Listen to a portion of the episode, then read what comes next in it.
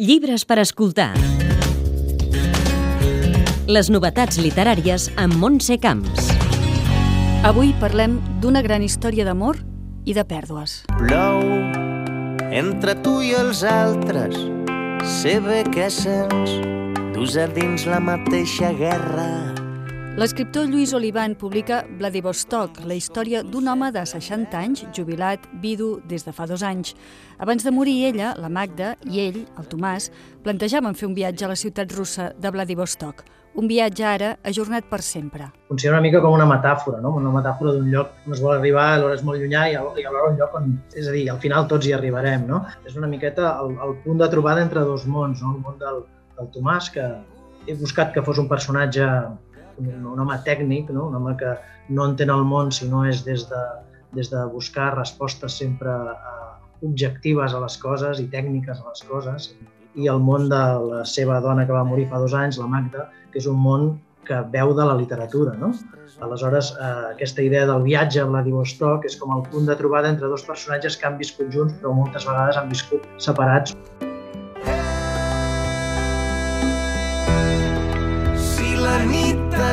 T'espanta, vine aquí. Vladivostok relata el procés que segueix en Tomàs per conèixer la dona perduda i també desconeguda per qui la literatura ho era tot, i també de recol·locar-se en un món que no li agrada, que converteix els avis en éssers infantilitzats, diu l'autor. Una novel·la de rebel·lió d'un home que no ha estat mai còmode amb la comunitat. És una novel·la de rebel·lia en el sentit que aquest personatge és un personatge que, que no ha estat mai còmode en la comunitat. És un personatge que sempre fuig de la comunitat, sempre fuig del gregarisme, no se sent còmode en les coses que la societat proposa als vells, a la gent gran, no se sent còmode amb el tipus d'activitats que se'ls proposa, no se sent còmode en aquesta mena d'amor infanti infantilitzat que se li està proposant també, no? No, té un amic que sempre està insistint que ell ha de trobar una nòvia, no? i ell ha de, ha de tornar a viure, ha de celebrar la vida, i ell no li interessa celebrar la vida, no. No li interessa el que la societat li està proposant en tant que persona gran. Finalment, és una història de redempció. Jo volia jugar una miqueta que en principi quan comences a llegir el llibre puguis pensar que és una, una novel·la de superació del dol i en canvi vagis trobant amb altres coses, amb una novel·la de rebel·lia i amb una novel·la també de redempció, de redempció d'un personatge que, que realment eh, la seva vida l'està vivint com, com, com un fracàs, no? un fracàs en molts aspectes, sobretot del desconeixement que s'adona que té de la seva dona i en molts altres aspectes de la seva vida, com a pare, com a fill, com a polític. Amb un final sorprenent, Vladivostok és un retrat lúcid d'un home gran que vol fer-se vell a la seva manera, ser lliure.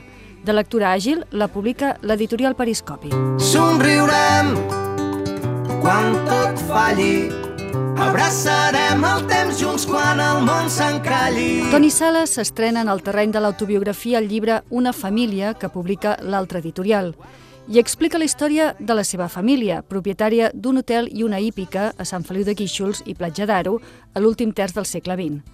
Ara es veu amb cor d'explicar experiències viscudes fa 20 anys que llavors eren massa intenses. Un llibre amb el qual diu ha fet les paus amb la família. Aquest llibre es podia haver dit els enterraments o, o fins i tot l'enterrador, no? perquè és com un passar comptes i fer les paus amb, amb, amb la família. Han hagut de passar els anys, han hagut de passar els morts i ha hagut de passar un temps per poder pensar que el que escrius ja té un punt de definitiu, no? ja has fet les paus i ja, diguem, difícilment canviarà la meva relació amb els, amb els morts. Quan tot s'enlaira Després de recollir èxits per escenaris d'una desena de països, l'obra Smiley de Guillem Clua fa el salt en forma de llibre. Rosa dels Vents publica l'obra, una història d'amor entre dos homes, tendre i ple d'humor, que va tocar el cor del públic i es va convertir en un gran èxit. Passa de vegades, no?, amb, amb les teves creacions, que una miqueta perds el control del teu fill, no? El teu fill es fa gran, comença a volar, té una trajectòria, però arriba un moment que comença a expandir-se i a tenir una vida pròpia i a, i a convertir-se en altres formats que, que gairebé és una cosa que incontrolable, no? que és com una bola de neu que s'ha anat fent gran al llarg de tots aquests anys.